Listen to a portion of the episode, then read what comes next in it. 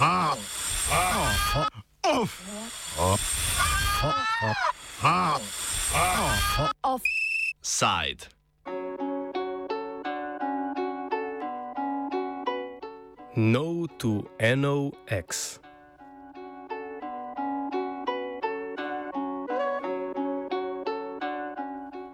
Vsi bolj ali manj poznamo ali vsaj slutimo nevarnosti, ki jih bo prinesla prihodnost, če ne zmanjšamo izpustov toplogrednih plinov, vendar je za naše zdravje pomembno zmanjšati tudi druge škodljive emisije. To ni tematika zgolj za okoljevarstvenike in pisce zakonodaje, temveč tudi za sodišča. Tako je Evropsko sodišče v tožbi, ki jo je vložila Evropska komisija, razsodilo, da je Nemčija med letoma 2010 in 2016 sistematično in ustrajno presegala dovoljene meje izpustov dušikovega oksida in dioksida v številnih večjih mestih. Hkrati po mnenju sodišča ni upeljala sprememb, da bi prekoračitve izpustov čim bolj omejila. V današnjem offsajdu tako o dušikovem oksidu in dioksidu, metodah zmanjševanja izpustov plina ter o pomenu tovrstnih sodb za evropsko javnost. Nemške kršitve se nanašajo na letne prekoračitve omejitve izpustov na 26 območjih, med katerimi so Berlin, München in druga večja nemška mesta, ter na dve urni prekoračitvi omejitve izpustov v Stuttgartu in na širšem območju Frankfurta.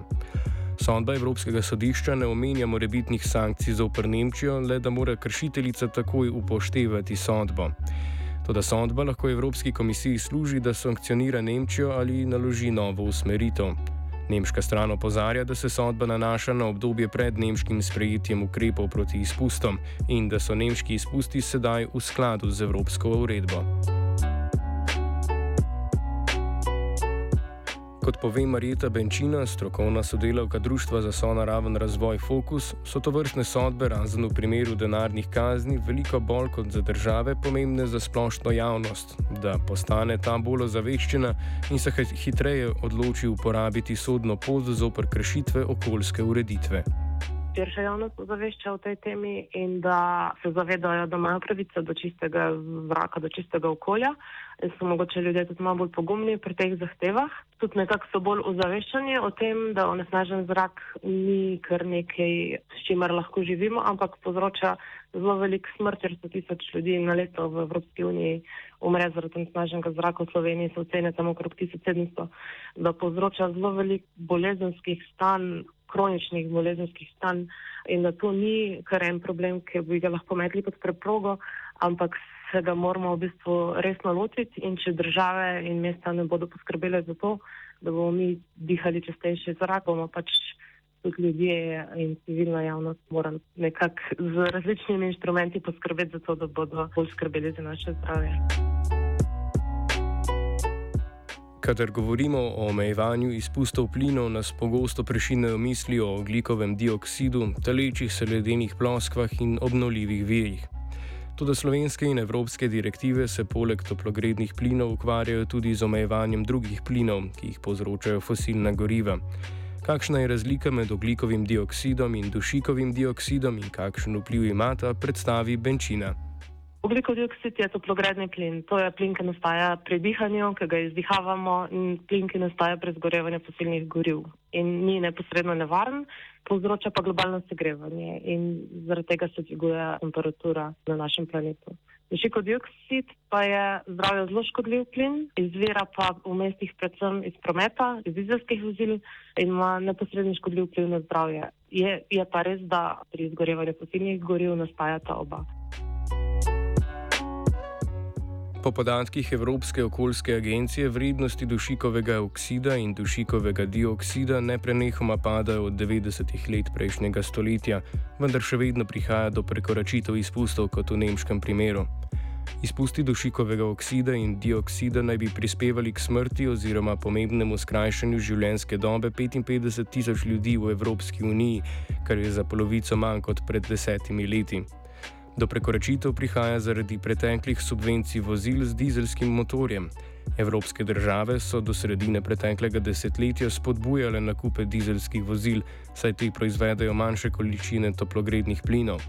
Tudi dizelski motori pri izgorevanju proizvedejo veliko več izpustov dušikovih spojin kot vozila z motorjem na benzin, zaradi česar se je evropska strategija morala spremeniti.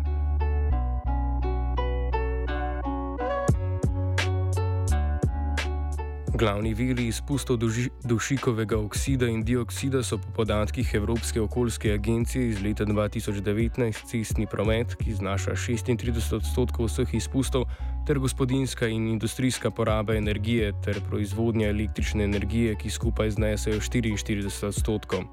Poleg tega se pojavljajo tudi drugi viri, pove Benčina predvsem motori z notranjim zgorevanjem, drugače so tu še termoelektrarne, ne vem, celuloza in industrija, ki jo v veliki meri nimamo več v mestih.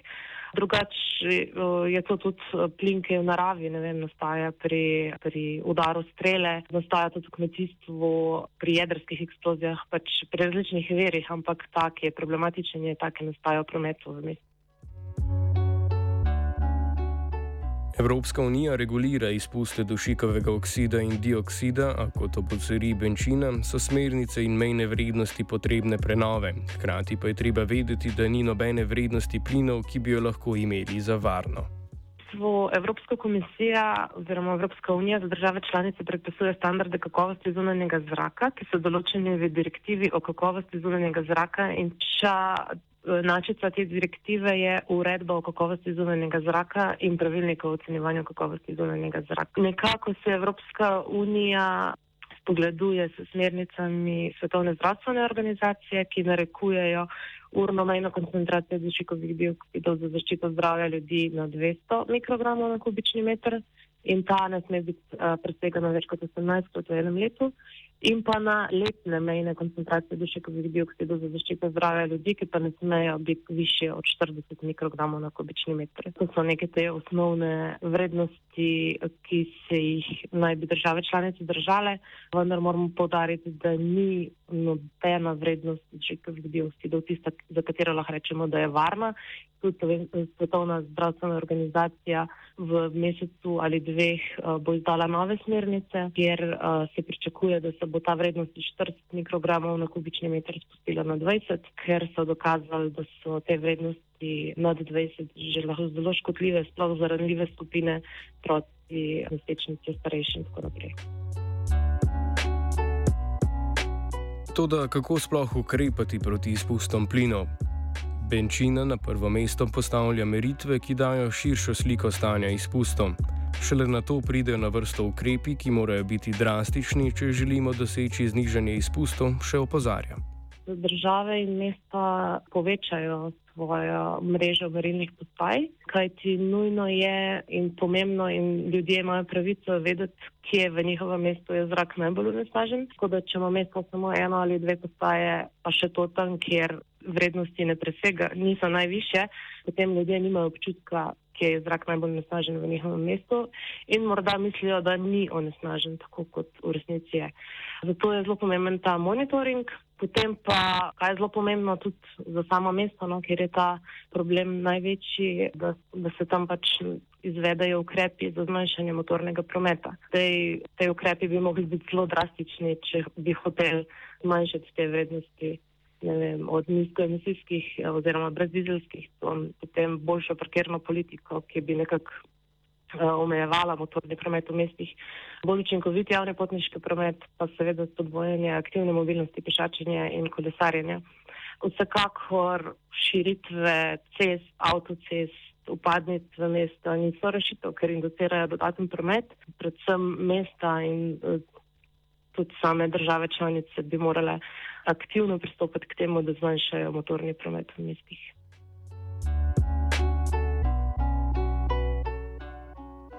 Spremljanje izpustov so v fokusu po besedah Benčine letos v Ljubljani izvedli po zimi, ko je bilo prometa manj, a so ponekod vseeno zaznali povišene vrednosti. Nove podatke zadnjih meritev še čakajo, a pričakujejo, da bodo pokazali, da imamo tudi v prestolnici povišene izpuste dušikovih oksidov. V ta namen bi bilo po besedah sogovornice treba spodbuditi pristojne k hitrejšemu ukrepanju ter izvesti raziskavo tudi drugot po Sloveniji. Inšpekcijske službe pri nas eh, zelo počasne in da se to, te stvari zelo počasi rešujejo, tako da imamo pač ta nek problem, lahko rečemo, tudi na podeželju, zaradi kurjenja v malih kurilnih napravah. Po drugi strani smo pa mi merili v Ljubljani letos na onesnaženost zraka na 156 lokacijah. Od 1. do 22. februarja, ko je bil promet še dosti nizek zaradi ukrepov zaradi COVID-a, nekje smo ocenili, da je bila prometna aktivnost 20% nižja in pa tudi uh, nismo imeli takrat včasno meritev teh tipične megle kotla, ko se zrak v Ljubljani ne premika in je še dosti slabši, ampak je bilo dosti prevetreno vreme in uh, veliko padavin je bilo, ampak smo kljub temu namerili na desetih lokacijah poprečne vrednosti dušikovega dioksida više od 40 mikrogramov na kubični meter, kar se nam zdi zelo velik za tak čas, ko je bila vsa aktivnost ljudi, prebivalcev nižja. Zato tudi merimo zdaj na štirih uh, lokacijah onesnaženost zraka skozi celo leto, no? tako da bomo pričakujemo zdaj tudi malo že, že te rezultate uh, za vsak mesec in mislimo, verjamemo in skoraj da smo pripričani, da bo zdaj situacija veliko slabša, ker se pač zadeve sprostile in je prometa veliko več na cestah. Velik doprinos je možnost, ki se je civilna družba vedno bolj zaveda, da je moč pred sodišči naslavljati tudi okoljsko problematiko, ki ima vedno večje ciljno občinstvo. Toda v lovu za zeleno prihodnostjo je treba biti pripravljen na hitre spremembe, saj že jutri včerajšnje rešitve mobilnosti, energetike ali bivanja lahko nudijo nove težave na mesto rešitev okoljskih vprašanj. Kot je bilo to lahko videti pri zgrešenem državnem subvencioniranju dizelskih vozil. Offside je z merilne postaje pripravil Dominik.